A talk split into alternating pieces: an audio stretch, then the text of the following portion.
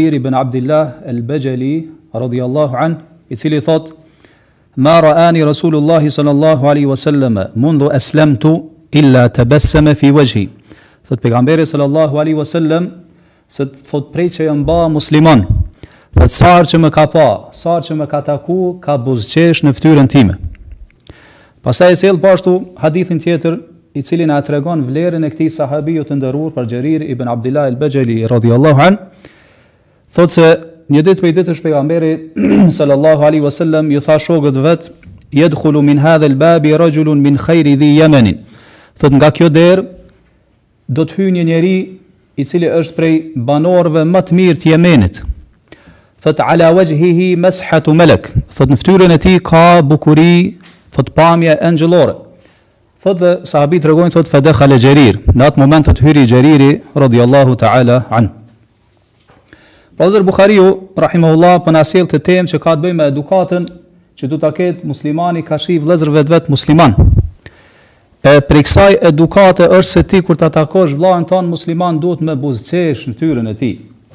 Kjo është edukatë e lartë e mirëfillt islame. E Buhariu këtu po thot babu et-tebessum thot kapitull me atë se njeriu muslimani duhet me qesh, Duhet me buzëqeshë. E po na sjell këtë hadith të Xherir ibn Abdillah, radijallahu anh, i cili po thotë se, Sa herë që më ka pa pejgamberi, sallallahu alejhi ve sellem, ka buzëqeshë në fytyrën time. Et-tebessum, vllezër arabisht është buzëqeshja që njihet edhe në gjuhën tonë dhe është ajo fillesat apo fillimet e qeshjes. Pra me thanë kështu i kemi tri nivele.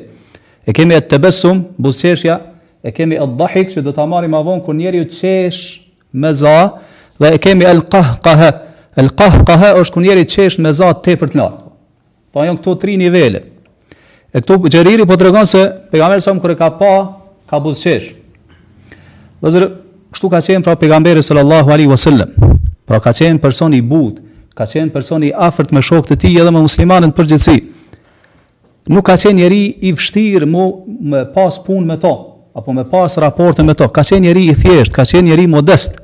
Domethënë i cili me sjelljet e veta, me ftyrën e tij të hapur e t'buzqeshur, i ka përfitu zemrat e njerëzve. Domethënë i ka afru zemrat e njerëzve. E ne vllezër e dim se Këta e pranojnë të gjithë, sikur muslimanët, do të thotë sikur jo muslimanët, buzëqeshja është çelës për me depërtu tek zemra e njeriut. Pra nëse dëshiron që me përfitu zemrën e njeriut, e kjo sidomos vllezër të bën dobi në aspektin e davetit, kur dëshiron njerëz me i thirr në islam, e me i afru, pra duhet me buzqesh, mos me majt ftyrën e vrazhdë, ftyrën domethënë me kanë ftyrëngrysun, ftyrëvrenjtur jo, pra po vërejmë se pegamberi, pra prej sunetit pegamberit salallahu alejhi ve selem ka qenë që me buzqesh, Sa herë i ka taku shokët e vet i ka taku me fytyrë të buzëqeshur, me fytyrë të hapur, jo me fytyrë të vrenjtur po. Pra ka qenë person me thanë kështu pozitiv. Ka qenë person domethënë që jetën e ka pa do të thotë të hapun, jo kështu të ngushtë e ngrysun po. Ka qenë person person optimist, jo pesimist. Dhe kështu njerëz, kur ne të jemi vllezër kështu, e praktikojmë këtë sunet të pegamberit, sallallahu alaihi wasallam. Atëherë pa dyshim që Do të thotë kemi me depërtu në zemrat e njerëzve, sepse njerëzit, vëllezër gjithë e pranojnë këta, e dojnë njeriun që është i buzqeshëm, edhe që qesh në ftyrat e tyre. Po ka edhe në hadithe të tjera se pejgamberi sallallahu alaihi wasallam ka qenë njeriu që më shumti ka buzëqesh, siç thotë një sahabi i nderuar radhiyallahu anhu thotë ma është Abdullah ibn al-Harith radhiyallahu anhu thotë ma ra'aytu ahadan akthara tabassuman min rasulillahi sallallahu alaihi wasallam. Thotë nuk e kam pa kërkën që ka buzëqesh ma shumë se sa pejgamberi sallallahu alaihi wasallam. Shikoni vllazër me gjithë sprovat që i ka pas pejgamberi sallallahu alaihi wasallam. Me gjithë përgjegjësitë e mëdha që i ka pas, vështirësitë me të cilat është përball në jetën e vet, do thotë ka qenë mufti, ka qenë komandant i ushtrive, ka qenë udhëheqës i shtetit, ka qenë gjykatës. Pastaj ka pas domethënë gra, ka pas fëmijë, madje fëmijët i kanë vdekur sa ka qenë gjallë. Sprova të mëdha. Megjithatë ka buzëqesh gjithmonë. Kur është takuar me njerëzit do të thotë çka ka buzëqesh. Edhe është pa domethon përgëzimi në fytyrën e tij sallallahu alaihi wasallam. Jo vetëm se ka qenë vëllazër kjo, domthon për shkak të buzëqeshjes së tij shumë që e ka bërë pejgamberi sa do thotë kjo është bërë si shenjë dalluese e tij, siç po thotë ky sahabi. Domthon ka qenë kështu praktikë e tij, suneti i tij, udhëzim i tij.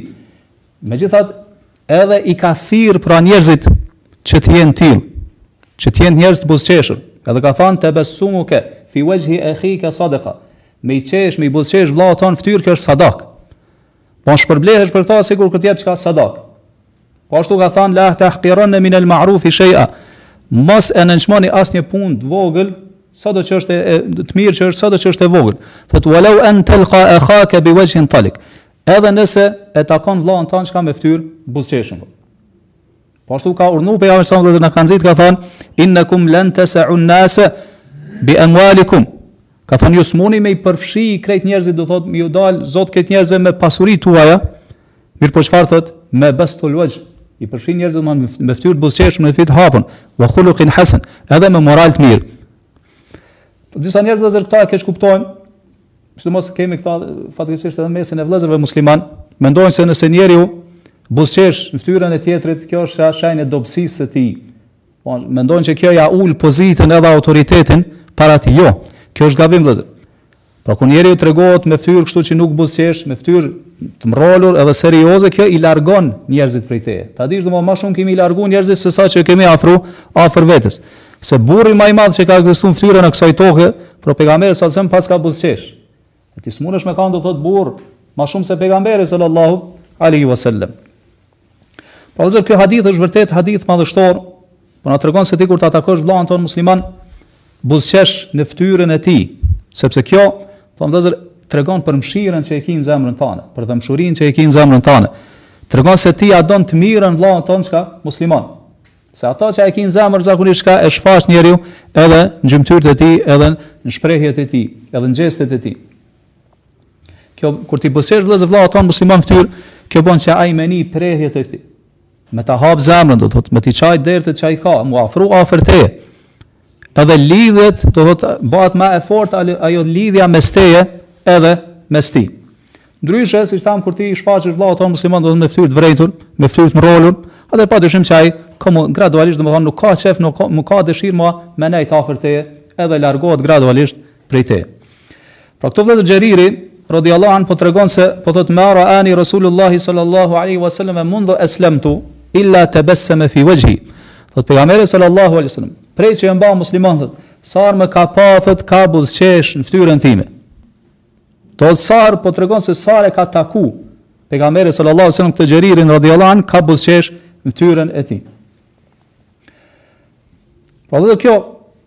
Kjo është moral i lartë, siç thamë, moral fisnik që na thrret Islami drejt tij. E po ashtu po e vrejm se kështu ka qenë suneti edhe udhëzimi i pejgamberit sallallahu alaihi wasallam. Pra me kanë njeri i cili e përhap hajrin, e përhap mëshirën, e përhap pozitivitetin, e përhap optimizmin në radhët e muslimanëve, në mesin e muslimanëve.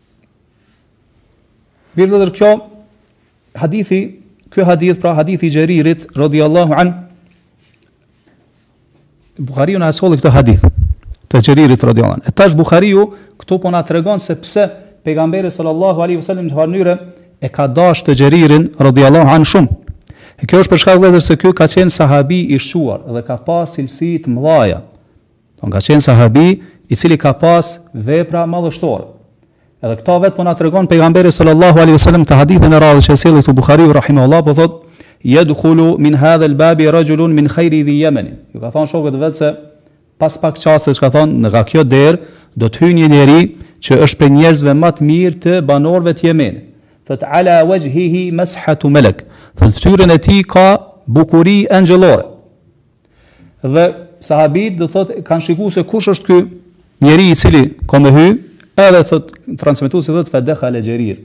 Në atë moment thot ka ka hy Xheriri radhiyallahu anhu. Kjo vëllezër është prej shenjave të profecisë. Se pra pejgamberi sallallahu alaihi wasallam ju ka treguar se është një njeri duke ardhur, ata sahabit nuk e kanë ditë kush është ai. Edhe ja u ka treguar cilësitë se si duket ky sahabi. Në disa versione të hadithit përmendet vëllezër se Xheriri radhiyallahu anhu e tregon këtë ngjarje si i ka ndodhur, pra ka ardhur si musliman me taku pejgamberin sallallahu alajhi wasallam çka në Medinë thot kur kam arritur te Dhil Huleife, vendi që është ku ata që dojnë dëshirojnë me kry umra apo haxh, pra aty zhveshen nga rrobat edhe i veshin rrobat e ihramit që është në periferi të Medinës, Thotë anakhtu rahilati, thotë e ula deven time, thotë thumma labistu hullati. Edhe thotë i vesha rrobat më të bukura që i kisha. Pse? Është bo gati mu taku me kon, me pejgamberin sallallahu alaihi wasallam. Pra dhe ka qenë person kështu me fizik me pamje të bukur, edhe i ka vesh domthon rrobat më të bukura. Mirë, se, ka dashtë mu taku me kon, me krijesën, më të madhe, më fisnike, më të dashur te Allahu, pra me pejgamberin, sallallahu alaihi wasallam. Thot kur kam hyrë në Medinë, thot i kam pa sytë e njerëzve duke më shiku. Duke më përcjell çka me shikime. Se ju ka treguar pejgamberi sallallahu alaihi wasallam se tash është duke ardhur çka një person që ja u ka përmend ato cilësi. Edhe thot jam çudit nga kjo, edhe i kam pyet, i kam thënë, mos ju ka thënë pejgamberi sa diçka për mua. Kanë thënë po. Kanë thënë yadkhulu min hadha al-bab, ka treguar se thot na ka thënë pejgamberi sa se tash do të vijë një njeri që është prej banorëve më të mirë të Jemenit, edhe thot në fytyrën e tij ka bukuri angjëllore. Pra mesha e ka përmend këtë shprehje pejgamberi sallallahu alaihi wasallam meshatu melek, pra pamje apo bukuri angjëllore, e ne dim vëllezër se engjëjt e Allahut subhanahu wa taala melaiket e Allahut janë cilësuar me bukuri, pra janë krijesa shumë të bukura. Andaj sikur ka dashur me thënë pejgamberi sa që është njeri çka shumë i pashëm edhe shumë i bukur. Mirëpo, ajo që është më e rëndësishme se kjo është se pejgamberi sallallahu alaihi wasallam fillimisht e ka lavdëruar, ka thënë min khairi ahli Yemen, do të thotë prej banorëve më të mirë të Yemenit. Është njeri i mirë. Shikoni vëllezër këtu, ne kur po e mësojmë këtë libër El Edebul Mufrad, pra që ka të bëjë me edukatën librin e Buhariut rahimahullah, na po mësojmë deri tash kemi mësuar do thotë edukatën me vështru. Si do të jetë sjellja e muslimanit do thotë me prindërit e tij, me farefisin e tij e kështu me radhë me fëmijët e tij. Mirëpo, në njëjtën kohë po mësojmë edhe për biografinë e shokëve të pejgamberit sallallahu alaihi wasallam po i dim, po i mësojmë disa prej vlerave që ata i kanë pas. A kemi marrë biografinë e Ebu Hurejres, kemi mësu se sa shumë ka qenë personi i cili kujdeset për nanën e vet, apo, që ka pas sjellje madhështore, do thot shumë fisnike me nanën e vet, sa që askush nuk mundet me ju afru sjelljes tij, aq shumë që është sjellë mirë me nanën e vet. Po ashtu kemi mësu për vlerën e Muawijës, Hasan, Hasanit dhe Husejnit, radiallahu anhuma. Këtu po mësojmë për vlerën e këtij sahabiu, radiallahu anhë, që e ka lavdru pejgamberi sallallahu alaihi wasallam. Andaj do të thotë dobia kur ne i lexojmë librat e hadithit, prej dobive të këtyre libra është se ne i mësojmë edhe biografinë e shokëve të pejgamberit sallallahu alaihi wasallam, e kjo ka dobi shumë të mëdha. Një prej dobive është se kjo të lidh me shokët e pejgamberit sallallahu alaihi wasallam. Edhe të bën se ti me i dasht pastaj shokët e pejgamberit sallallahu alaihi wasallam.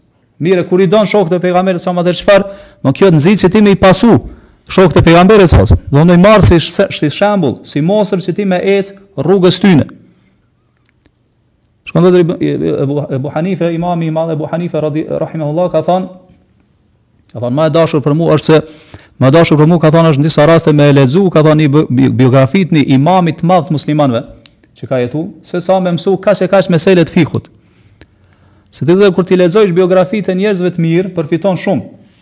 Përfiton se si mu përball me gjanat me cilat ti, domethënë, ballafaqohesh në jetën tane të përditshme. E din se si ata i kanë trajtu problemet e ndryshme në përditshmërinë e tyre. Qata vëllezër një prej poetëve ka thanë, kërrir aleja hadithë hum ja hadi. E ka thanë këta në formë shu e, poezis, Ka thënë na i përsërit biografitë e tyre sikur po i drejtohet dikujt, sa më shumë tregona për historitë, biografitë e brezave të parë muslimanë, pse thot fa hadithuhum yajlu al fuad as sadi, sepse thot kur i lexojna na biografitë e tyre na tregon për to thot kjo, thot na i pastron, na hek at ndryshkun që ka nga zemrat tona. Apo pakujdesinë që i ka kaplu zemrat tona. Shikoni vëllazër tash me ndërlidh me me tërhek paralele me gjendjen e të rive sot. Pse rinia sot rinia muslimane kanë rënë në këtë nivel? Kanë rënë domethënë e kanë prek gati atë fundin në anën morale apo në, në raportet e tyre me Allahun subhanahu wa taala apo në raportet e tyre me njerëzit, domethënë janë kanë rënë në degjenerim të madh. Cili është shkaku? Shkaku vëllazër se kanë çka lexojnë biografitë e njerëzve të shthurur. shikojnë biografi, domethanë, e, e përcjellin jetën, jetën e njerëzve mëkatarë gjynahqarë që nuk i binden Allahut subhanahu wa taala. Edhe ata pastaj i marrin çka si shembull, i marrin si yrnek. Edhe jetën e tyre mundohen me ndërtu me ba sikur ta. Qata e vrejmë se çka imitojnë, në flok, imitojnë çka, në pamje, imitojnë në rroba, edhe mundohen me ba sikur ta. Ndikohen prej tyre. Kështu na kur të mundohemi fëmijëve tanë dhe të rive tanë, me jau mësu biografinë e brezave të parë të islamit, kjo pa dyshim vëllezër që ka rezultate të mdhaja. E një prej tyre është që fëmija pastaj ata me i marr si shembull, me i marr si mostër. Shikoni, tregojnë se brezat e parë të islamit ja kanë mësu fëmijëve tyne biografinë e Abu Bekrit dhe Omerit radhiyallahu anhu, sikur që ja kanë mësu një sure prej Kur'anit. Po si fëmijë jau kanë diktu. Ebu Bekri kështu, kështu, kështu ka pas emrin. U bë musliman kështu, i ka bë këto vepra, ja kanë mësuar përmendsh. Qysh ja kanë mësuar çka ndonjë sure prej sureve të Kuranit. Në mënyrë që me i marr pastaj çka si shembull ata burra të mëdhaj që kanë jetu në kohën e pejgamberit sallallahu alaihi wasallam.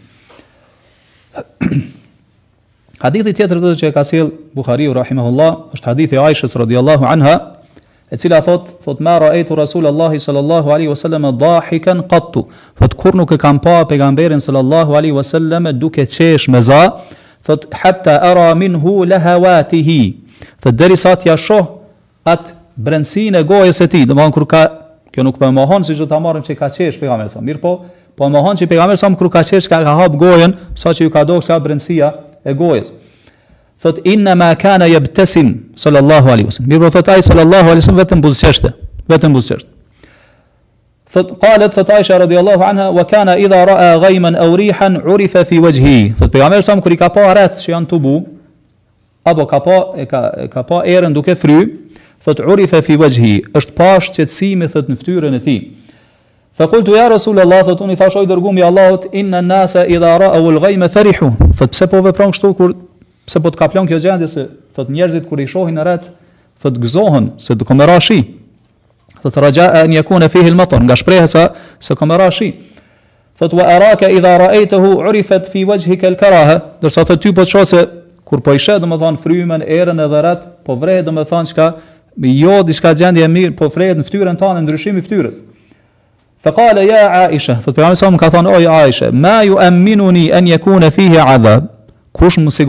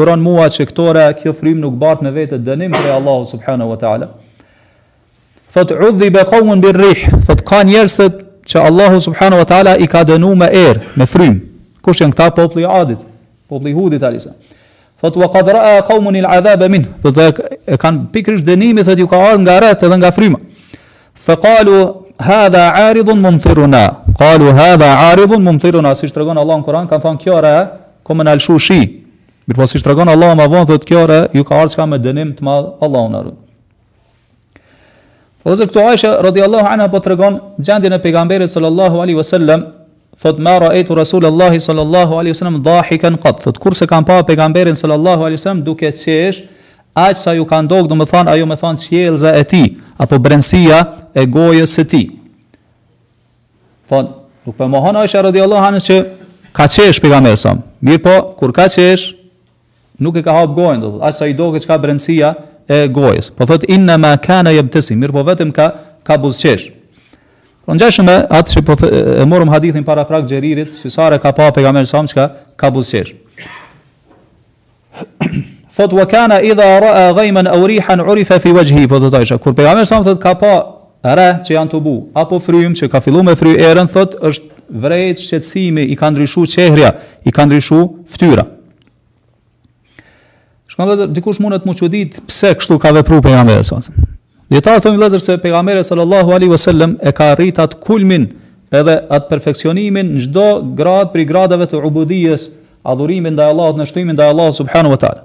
Pra po ka qenë personi që ma së shumti ju ka frigu Allahut subhanu wa ta'ala. Ka qenë personi i cili po ma së shumti ka pas shpres në Allahun subhanu wa ta'ala. Në të njëjtën kohë. Ka qenë personi i cili ka pas dije ma së shumti për Allahun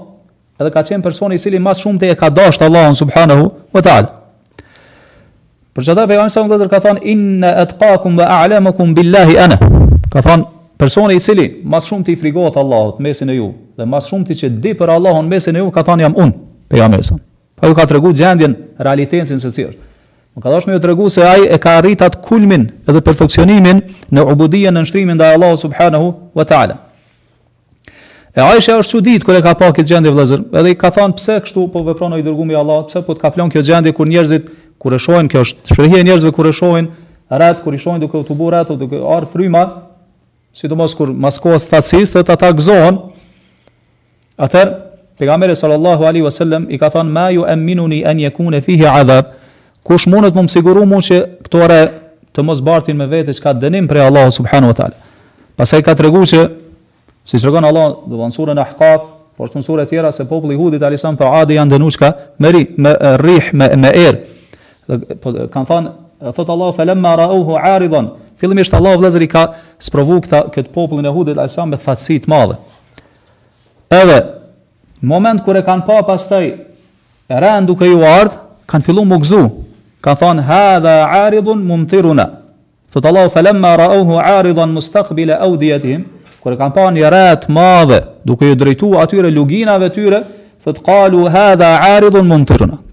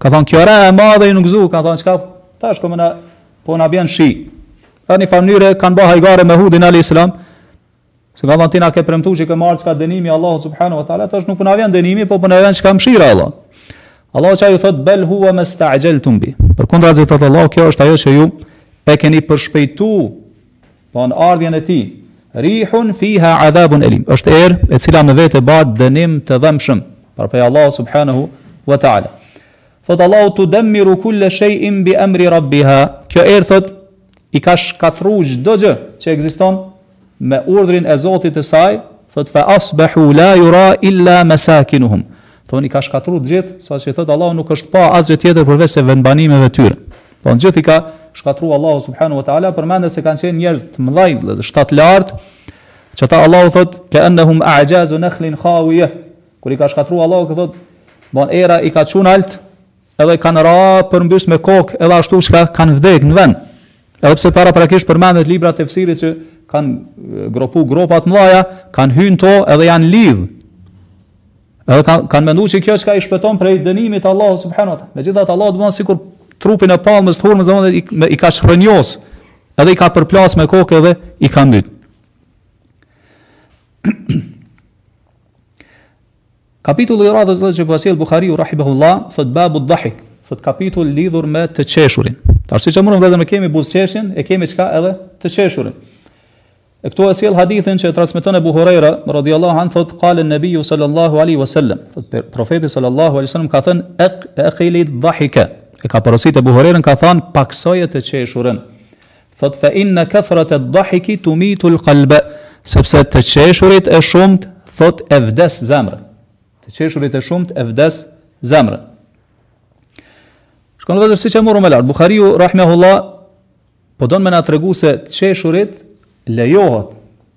Lejohet, nuk është do të thotë çka kur e ka sjell këtë hadith po don me na tregu se të qeshurit lejohet.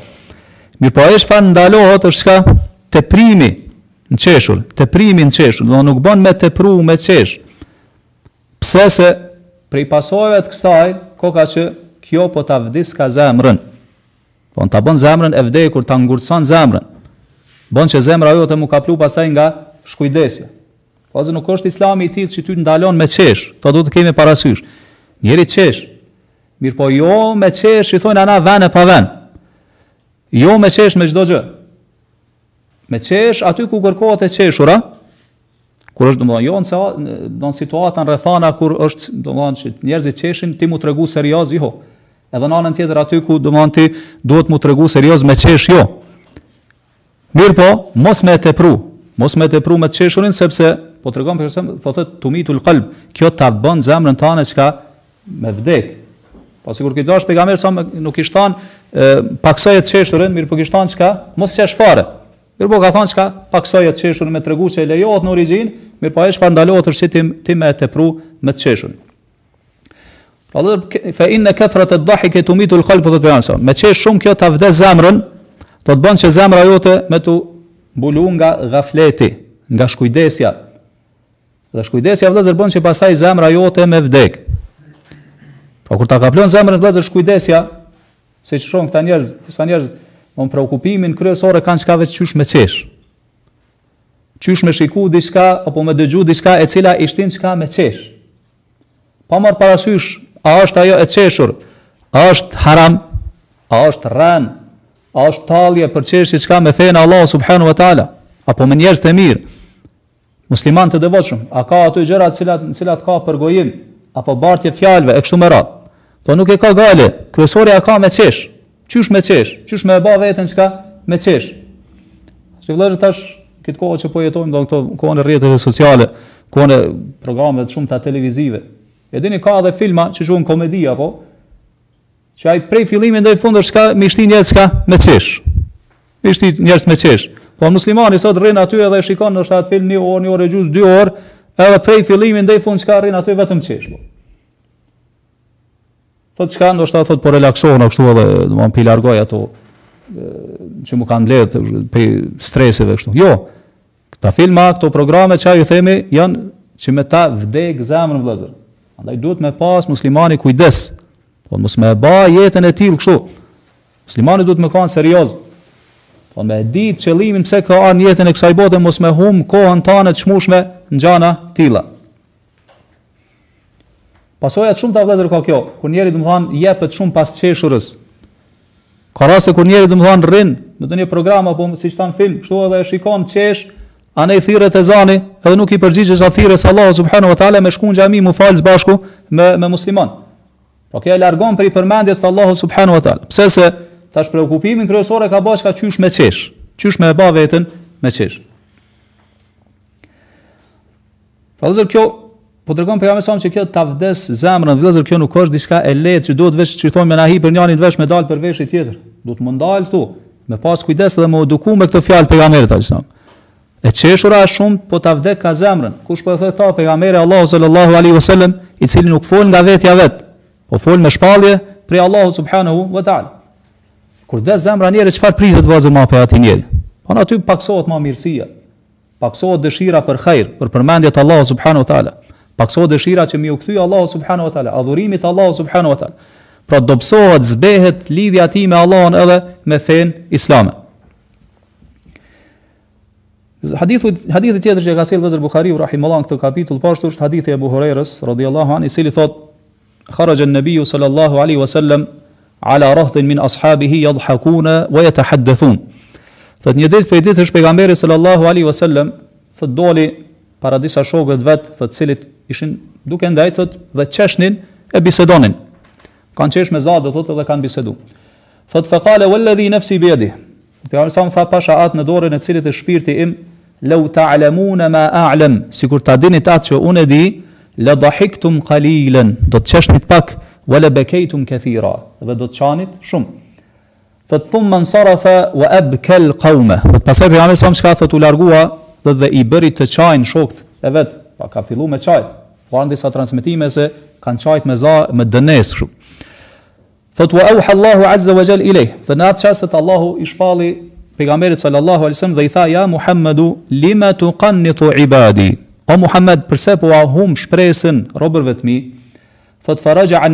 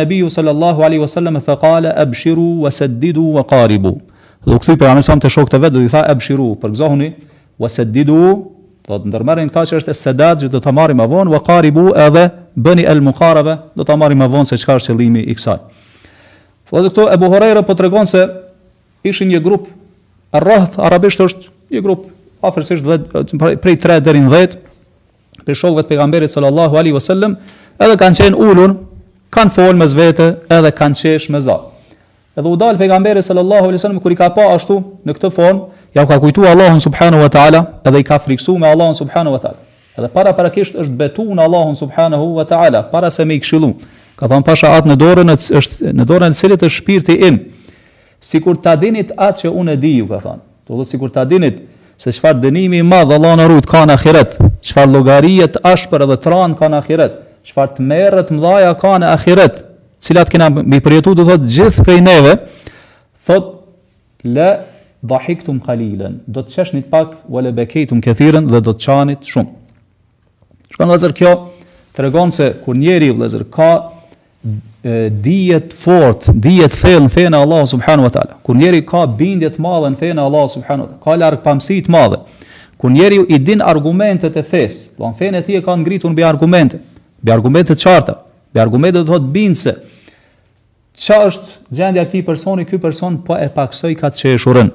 Po e paksojka çeshurën. Edhe kjo bën pastaj që ky njeri vëllazër me iu kthy Allahut subhanahu wa taala seriozisht, me kanë stabil në rrugën e Allahut subhanahu wa taala, edhe me adhuru Allahun ashtu siç është më së miri. Ebu Hurajre po thot, thumme nsarafe, dhe pastaj pejgamberi alejhi selam thot, i la shokët e vet, thot, wa ebkel kaum, dhe i bëri të qajnë domethanë sahabët, shikoni, menjëherë, që përna dhe çfarë zemra, kanë pas zemra të gjalla, meniherë janë ndiku prej kësaj këshille t'pejgamberit alejhi selam, edhe kanë fillu me qajtë mirë, jo pak, thot, është dëgju e qajtura e tyre, sikur fëmija që qan që qan me dënesë,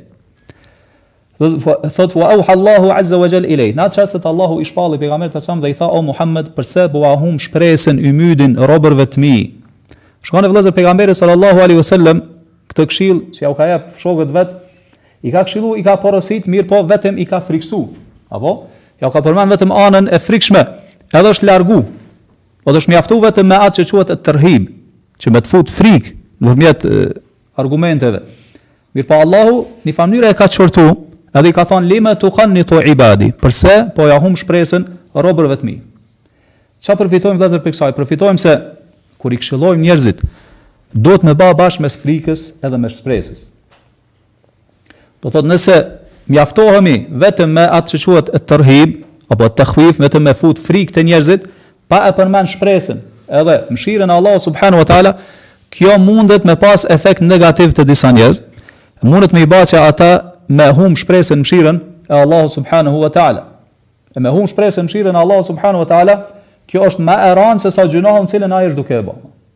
Por gjynah ka më i madh, se është mendim i keq për Allahun subhanahu wa taala. Mendim se Allah do të ka me dënu edhe nuk ka me t'i falë çka gjynahet. E kjo është gabim, domethënë është besim i keq, i prishur, që muslimani nuk guxon me e pasë. Andaj vëllezër personi i cili i këshillon njerëzit duhet me ba bashk mes frikës edhe mes shpresës. Domethënë, fillimisht me i friksu, që edhe me i inkuraju, njëjtën kohë, mirëpo. Personi i mençur vëllezër, personi i urtë është ai i cili din si me përdor në secilën rrethanë, a me përdor frikën më shumë apo shpresën. Pra unë ka nëse është në shoqëri ku janë të përhapura shumë gjynahet, ti tash nuk është e udhës aty me dalë dhe me ju fol çka për mëshirën e Allahut subhanahu wa taala. E se këta muslimanë kanë me hi çka në xhenet po. Mirëpo këtu duhet pak me i tut njerëzit. Mënyrë që ata çka mos zbrat për gjynahet po. Mirëpo, në origjinë do pa e harru edhe anën e shpresës. Mirë, kur pejgamberi sam vëllezër pa u mjaftu vetëm me këta, me me me, me këtë friksim, Allahu i tha përse po ua hum shpresën robërve të mi, atëherë pejgamberi sam menjëherë u kthye dhe u tha ebshiru, ebshiru. Tha gëzohuni. Gëzohuni do thot ka dasht me i thon pejgamberi sam që Ashtu siç është çështja e cila do të na pret gjithëve ne ve në ahiret, është çështje vërtet e tmerrshme, është çështje e llahtarshme, është çështje tmerruese, është frikë e madhe me cilën kanë me u përball njerëzit ditën e Kiametit, po ashtu është vend ku ka mëshirë të Allahut subhanahu wa taala. Ka vend domthon për shpresë. Do thot përgëzohuni se para juve o muslimanë ka hajr, ka mirësi. Ashtu si fillimisht pejgamberi sam po vërejmë ka përdor frikën, pastaj e ka përdor çka inkurajimin edhe ju ka treguar se muslimanët i pret çka mëshira e Allahut subhanahu wa taala edhe shpërblimi i madh i Allahut subhanahu wa taala. Disa vëllezër dijetarë kanë thënë se edhe njeriu në jetën e kësaj bote duhet me jetu mes shpresës edhe mes frikës. Edhe me kanë këto dyja sikur krahët e zogut. Sikur zogu do të thotë që fluturon me dy krahët e tij. Nëse njëri krah ka defekt, domethënë fluturimi i tij ka me kanë i mangët. Ose s'ka me mujt fare çka me fluturu. Edhe ka me u bë pre e kafshëve tjera të cilat mundën me me ngranë edhe me mbyt po. Kështu edhe njeriu në jetën e kësaj bote. Nëse dëshiron vëllezër me pas jetë të balancume, a do duhet me ba, ban, me pas balancume në këto anë. Edhe frikën, edhe shpresën. Se në moment që, ban, ty ta mund frika prej Allahu subhanu wa ta'ala, Këtu pëson defekt. E defekt është që ti e humb shpresën n'mëshirën e Allahut subhanahu wa taala. E kjo është gjynah i madh. Kjo është prej gjynaheve të mëdha. Në anën tjetër, nëse ta mund shpresa, atëherë edhe kjo është e keqe, edhe gjynah i madh. Pse? Se të bën që ti mu ndi i sigurt prej dënimit të Allahut subhanahu wa taala. Edhe e bën që njeri mu zhyt pastaj n'çka? N'gjynahe. Po të dyja ato vëllezër janë çka gjynahe të mëdha janë min el kebair, siç e përmendin dijetarët prej gjynaheve të mëdha. Allahu vëllezër përmend n'Kur'an kur i lavdëron pejgamberët thot wa yad'una na raghaban wa rahaba. Thot ata na luteshin neve, na adhuronin neve thot me shpresë edhe me frikë. Pra kështu duhet të jetë vëllezër, besimtari me bë bashk mes shpresës edhe mes frikës. Pra pejgamberi pejgamberi sallallahu alaihi wasallam i ka i ka përgzu, ka thënë përgzohuni, thot se para vetes keni hajr, Mos i humni shpresat, do. Ju jeni musliman, do keni hajr, e keni përpara një Zot që është shumë i mëshirshëm. Keni do thotë çka përpara ju pret xheneti, mëshira e Allahut e kështu me radhë. Shkon vëzë shumë njerëz sot pse vrem defekti, pse vëllai ku qëndron? Sidomos tek tek gjynaqaret sot është se jau ka mujt cila anë, frika apo shpresa. Jau ka mujt ana e shpresës. Do të thotë shpresojnë shumë, mirëpo pa punë të mira. Shpresojnë se kanë me hi n'xhenet, mirëpo pa e ba hizmetin, do të thotë pa ndërmarr, pa i kry urdhrat e Allahut subhanahu wa taala, pa u largu prej harameve. Qata kur i këshillon, i thu more kështu s'ban, fillo mu fal se mos mu fal kjo është gjynah. Bile është në pikpyetje Islami i njeriut sipas disa dijetarëve është musliman a jo nëse nuk fal namaz, çka thot hajt se Zoti çka, është i mëshirshëm, na fal krejt apo.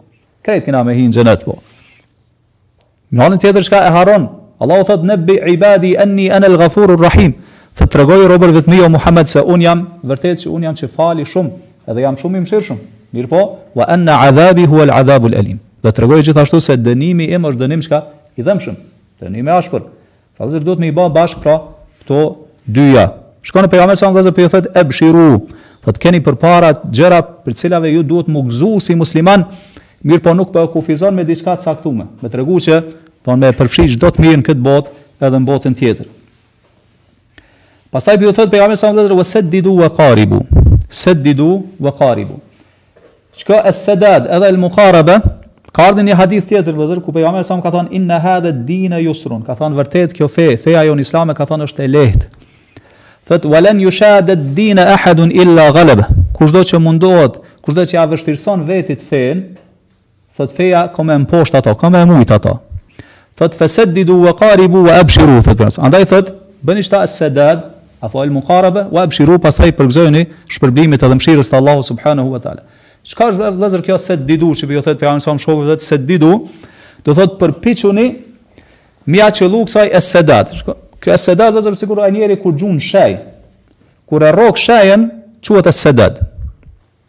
Kur e rrok shejën quhet sedad. Kur gjun edhe nuk e rrok aty shejën, mirëpo është afër kësaj kjo quhet el muqarabe. Don ju ke afru, çka shejës. Çka do me thonë kjo, çka ndërlidhet kjo, do thotë, ju po thotë pejgamberi sa përpiquni n'punët e juaja me ia qëllu shenjës, çfarë shenja sunetit t'pejgamberit sa. Thot përpiquni që krejt punët tuaja, gjitha punët tuaja me qenë n'përputhje me sunetin e pejgamberit e sa. Mirëpo, kjo është niveli më i plot. Nëse nuk mundeni, atëherë çka vjen kjo el muqarabe. Mo nuk nuk nuk mundni me kan ashtu siç duhet me qenë, don pasimin e pejgamberit sallallahu alaihi wasallam n'formën më të plot, më të përkryme atëherë përpiqu që me kanë çka qaty afër. Qaty mu sill dikun afër. Jo mu largu çka shumë larg. Jo mu largu larg. Do thotë, bëjë thotë pejgamberi sallallahu që nëse dëshiron me ditë a jenë hajrë apo jo, atëherë qëlloja sunetit apo sillu aty afër sunetit pejgamberi sallallahu alaihi wasallam mirë po mos u largo çka larg.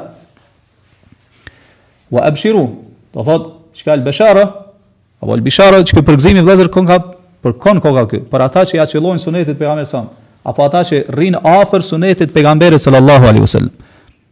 Mirëpo edhe këta njerëz vëllezër pastaj dallojnë. Dallojnë janë nivele të ndryshme. Domthon sa më shumë që ja qëllon sunetit pejgamberit sa më veprat e tua, thot e kini hise më të madhe ti përgëzimit pejgamberit sallallahu alaihi wasallam. Mirë, dhe kjo ishte sa i përket këtij hadithi, po e marrim edhe një temë tjetër, shkurtimisht nuk po ndalemi shumë që tregon për një edukatë tjetër madhështore të pejgamberit sallallahu alaihi wasallam, do në raportet e tij kur ka biseduar me njerëz kur është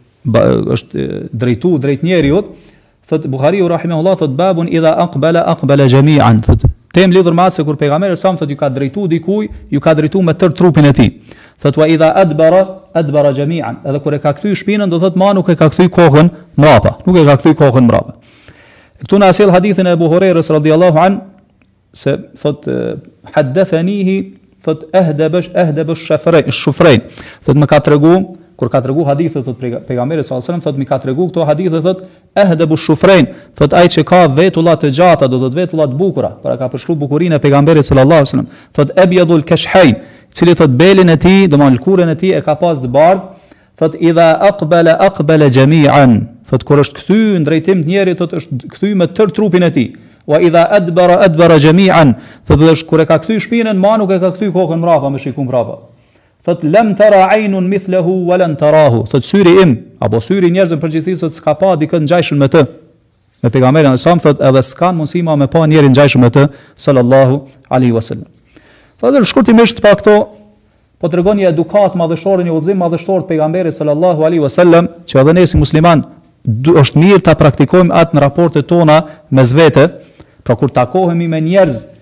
Kur i drejtohesh njeriu, do të thotë me ju drejtu me fytyrën tënde dhe me trupin tënd kur bisedon çka me njeri.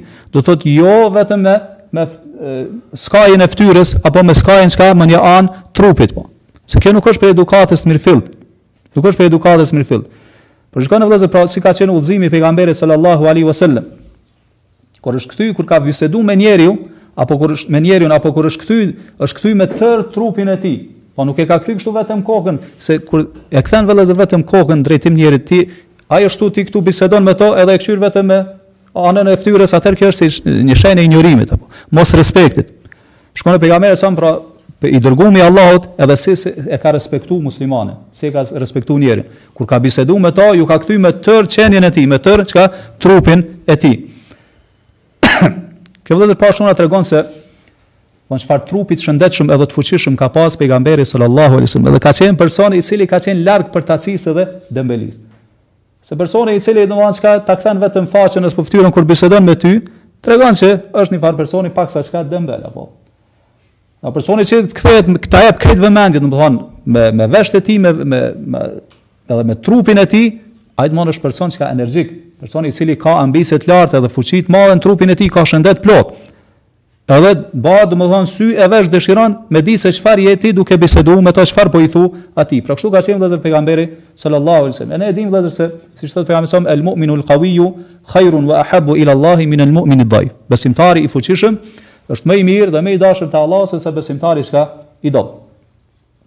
Po tregon pastaj vëllezër këtu se si ka qenë në pamje pejgamberi sallallahu alaihi wasallam do të thotë ka pas vetullat e gjata, vetullat e bukura edhe lkurën e ka pas të bardhë.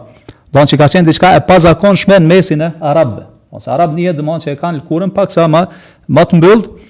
Për ata vëllezër kur u ardhë për shembull ata njerëz jashtë Medinës dhe kanë dashur me taku pejgamberin sallallahu alaihi wasallam, nuk e kanë njoft cili është pejgamberi sallallahu alaihi wasallam. Për shkak se nuk është dallu çka me rroba, as me nuk është ul në vend ma të nalt se sa shokët e tij. E kur u kanë mexhlis, u ardh ai njeri i huaj ka thënë ayyukum Muhammed, cili prej jush është Muhamedi? S'ka ditë domethënë Muhamed. Ka thënë hadha al abyad, qiky i bardhi kanë thënë. Për shkak se ka qenë i njohur domethënë shumë ma i bardh se sa njerëzit e tjerë. Po ashtu po thotë wa idha adbara, shikoni vëllezër thotë adbara jami'an. Kur është ngrit edhe e ka kthy shpinën diçkaje, edhe ka vazhduar me ec, ma ka vazhduar ashtu. Nuk e ka kthy kryt mrapa ma pejgamberi sallallahu alaihi wasallam. Po kjo është prej udhëzimeve madhështore të pejgamberit sallallahu alaihi wasallam, edhe që duhet me i pas muslimani. Kjo tregon se ka qenë person çka me autoritet, ka qenë person çka serioz, njëtën kohë ka qenë person çka trim, domethënë kur ka ec, edhe ka kthy shpinën diçkaje ma nuk e ka kthy kryt me kqyr çka ka lanë çka mbrapa. Mirëpo e ka vazhdu çka rrugën. Se vëllezër nuk është prej edukatës mirë që njeri kur ec në rrugë çka me kthy kokën vazhdimisht me kthy kokën mbrapa me shiku kon e ka mbrapa. Kështu po vërejmë se si ka ecë pra pejgamberi sa në rrugë, kur e ka kthy shpinën diçkaje ma ka vazhdu edhe nuk e ka kthy kokën mrapa. Thotë Abu Huraira, thotë lam tara aynun mithluhu wa lan tarahu. Thotë syri kurrë s'ka pa person të ngjashëm me të, edhe s'ka mundësi me pa kurrë thotë person të ngjashëm me të. Kena me kuptu vëllezër se çfarë pamje domethënë perfekte edhe të plot ka pas pejgamberi sallallahu alajhi wasallam, sa person i bukur ka qenë, i pashëm, edhe fytyra e tij po ashtu siç ka në hadithe ka qenë sikur hëna e plot. Pra ka qenë person me pamje të bukur, me fizionomi të bukur, po ashtu ka qenë person i cili ka pas moral të plot. Thotë Allahu, wa inneke la ala khulukin adhim, vërtet se ti o Muhammed je në një gradë të lartë të, të moralit të sjelljes. Pra Allahu ja ka ba bashkë vëllezër dyjat, domethënë bukurin fizike edhe bukurin morale.